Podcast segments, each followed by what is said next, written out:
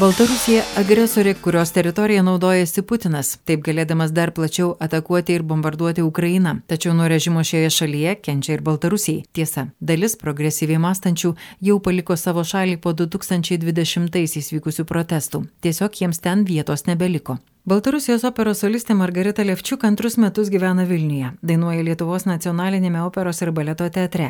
Pakviesta sezonui sudainuoti kandidė, sugrįžti namo į nebegali ir dėkoja Lietuvai, kad yra saugi. Kaip ji tapo šalyje režimo ieškoma nusikaltelė. Margarita, konieka gerusi su Aleksandru Lukašenka, dalyjasi savo istoriją. Деревня у нас на границе с Польшей и на границе с Украиной. И вся моя родня, и я в том числе, мы разговариваем на украинском Mūsų языке. kaimas ant sienos su Ukraina ir Lenkija. Visa mano giminė ir aš pati mes kalbam ukrainietiškai.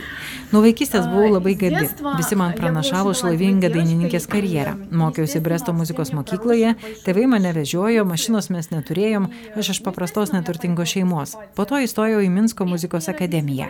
Ja baigiau raudonų diplomu. Mane pakvietė į operos studiją mūsų operos teatre ir prasidėjo mano greita žvaigždės karjera Baltarusijoje. Ir ne tik. Pradėjau keliauti po tarptautinius konkursus, tame tarpe ir Vilniuje Virgilijaus Noreikos konkurse dalyvavau.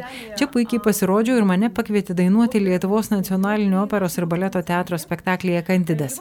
Aišku, aš, kaip meno žmogus, niekada nesidomėjau politika. Tai buvo mano problema. Bet aš buvau dainininkė, man norėjosi dainuoti, gyvenau savo muzikinėme pasaulyje, manęs niekas kitas nedomino.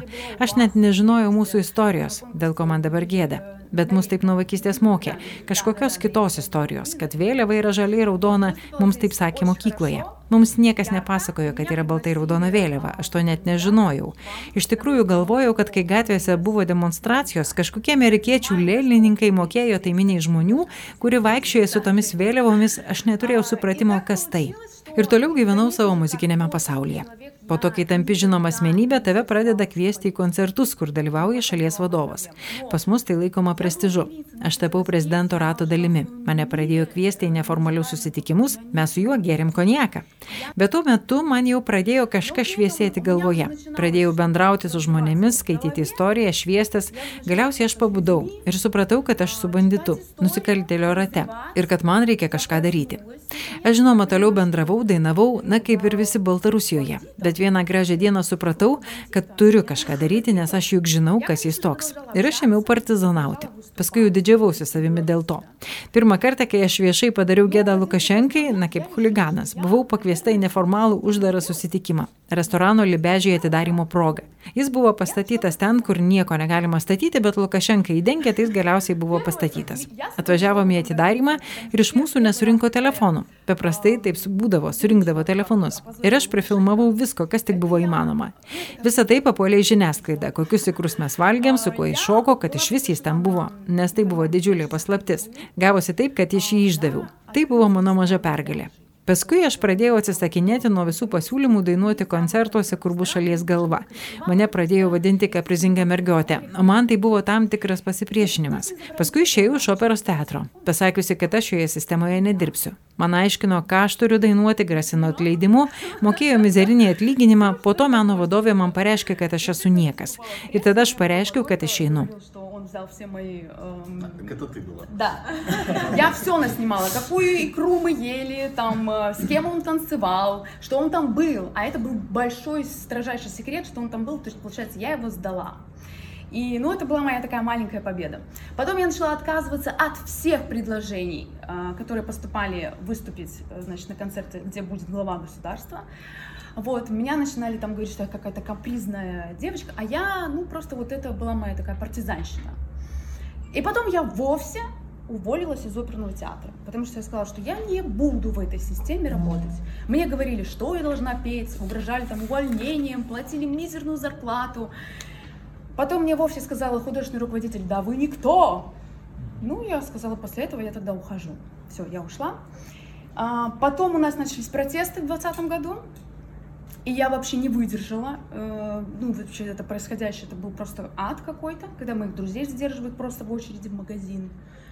Tada 2020 metais pas mus prasidėjo protestai ir aš neišlaikiau.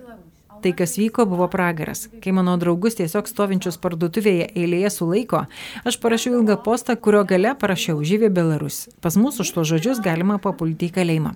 Laukiau, kada manęs ateis paimti, bet manęs kažkodėl niekas neėmė, o aš jau buvau pasiruošusi. Susipykau su tėvais, ypač su mama, kuri ne už Lukašenką, bet vis tiek man šaukė, kas tu Žana Dark, kam tau to reikia. O aš supratau, kad aš viešas asmuo, mane žmonės klausys, vadinasi, aš turiu kalbėti tiesą ir aš netylėsiu, aš prieš šią valdžią. Ir nutiko taip, kad visuose interviu dėkoju Lietuvos operos ir baleto teatrui, kuris mane išgelbėjo nuo kalėjimo. Nes spalio mėnesį turėjau kontraktą čia trims spektakliams ir man pavyko išvažiuoti į užsienį. Jau ant sienos man atėjo žinutė nuo giminaičių su tekstu Margarita negryžk, tave įtraukė į sąrašos tau užvesta byla. Į namus kaime, kur aš registruota, atėjo milicija ir pasakė, kad aš turiu būti sulaikyta 30 parų už kažkokią savo veiklą. Paskui jie tą bylą uždarė bet aš likau čia ir niekur nebevažiavau. Paskui supratau, ką aš galiu daryti. Baltarusiams taip kalbėti tiesą, bet aš dainininkė ir aš galiu dainuoti. Ir paaiškėjo, kad balsas labai stiprus ginklas. Pirmiausia, aš pradėjau dainuoti baltarusiškas dainas, kurios suvienyje žmonės ir pakelia jų dvasę. Tada mes su gitaristu, baltarusių blogeriu, kuris taip pat čia slepiasi nuo persekiojimo ir gyvena, mes sukūrėme duetą Raudona žaluma, nes mūsų tokia vėliava. Tai politinė satyra. Ir mes beprotiškai nervinam savo valdžią ir ypač Lukašenką. Mes jį taip išnervavom, kad man jis užvedė baudžiamą į bylą už dainas internete. Dabar už eilinę dainą, kur aš jį pavadinau tikrų priedurnių, mane įtraukė į ieškomų asmenų sąrašus. Tad dabar aš ieškoma superteroristė. Todėl aš supratau, kad balsu galiu daryti labai daug dalykų. Dabar aš savo balsu galiu ne tik palaikyti savo šalį, bet ir Ukrainą, savo kitą mylimą šalį. Dabar turiu tris mylimas valstybės. Tai ir Lietuva. Ačiū Jums, kad aš čia gyvenu antrus metus, ramiai vaikštau gatvėmis ir jeigu kažkas skambina ir beldžia į duris, tai žinau, kad tai ne Omonas, o picų išvežiotojas. Aš ramiai vaikštau ir matydama pravažiuojančius autobusus nejaučiu baimės, aš nebeturiu busofobijos, nebebijau mašinų.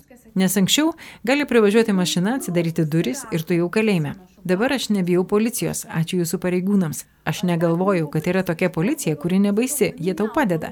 Mūsiškių tu bijai, nes ir nieko nepadaręs jau esi nusikaltėlis. Dabar gyvenu laisvoje šalyje, mėgaujuosi gyvenimu ir galiu ramiai dainuoti. Tad ačiū Jums ir žinokit, kad Baltarusiai kovoja. Ir dauguma Baltarusių ne už Lukašenką. Теперь я не боюсь полиции. Спасибо вашей полиции. Потому что я даже не думала, что есть такая полиция, ну, которая не страшная. Ну, они наоборот тебе помогают.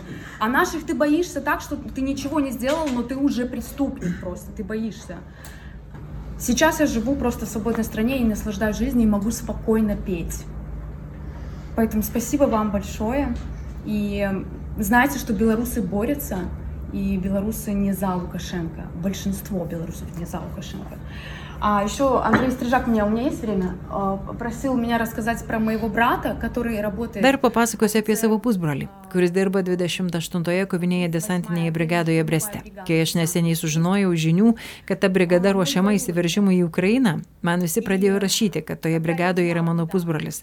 Aš su juo nebendrauju nuo 2020-ųjų, nes žinau, kad jis Breste išvaikė protestus. Tad ryšio su juo nebeturiu, bet vis tiek jis man pusbrolis, nežiūrint į tai, kad palaiko tą valdžią. Tad ką aš galiu padaryti?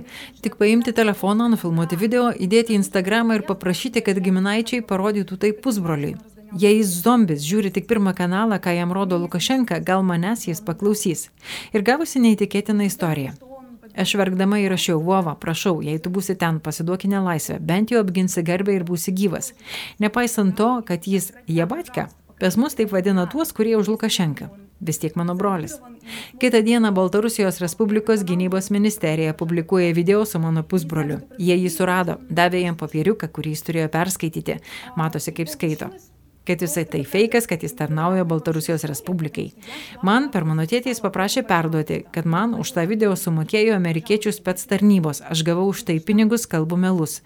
Aš po to, kai gynybos ministerija paskelbė tą video, pasijaučiau labai gerai. Kaip aš galiu daryti poveikį gynybos ministerijai. Man net Svetlana Cichanovskai sakė, kokie ten mano ryšiai. Jie supranta, kad aš turiu įtaką žmonėms. Kodėl? Nes tai dainos. Dainomis aš kalbu žmonėms tiesą apie Lukašenką ir žmonės tiki manimi, o ne juo. Todėl pasirodė, kad mano balsas svarbus ir aš toliau dainuosiu. Они нашли его, Они дали ему бумажку, которую он должен был зачитать. То есть это видно, что он стоит и читает по бумажке, где он говорит, что это все фейки, что он служит Республике Беларусь.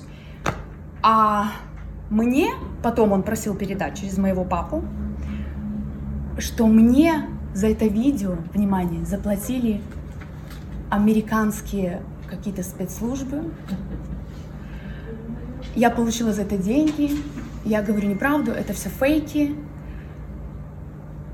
Ну, в общем, я, если честно, после того, как Министерство обороны опубликовало это видео, почувствовала себя, ну, каким-то, не знаю, очень хорошо себя почувствовала.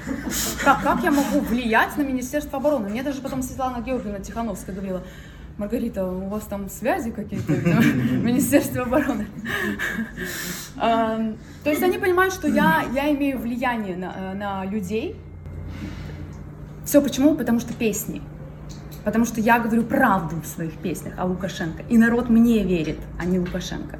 Поэтому мой голос э, имеет вес, как оказалось. А на войне и все средства хороши. Поэтому я буду дальше продолжать петь. Savo istoriją pasakoja 32 metų Baltarusijos operos solistė Margarita Levčiuk. Ieškama Baltarusijoje ir saugiai besijaučianti Vilniuje.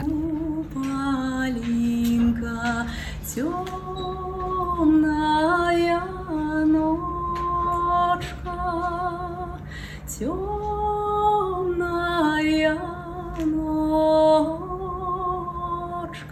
Ночка, одежь твоя, дочка, темная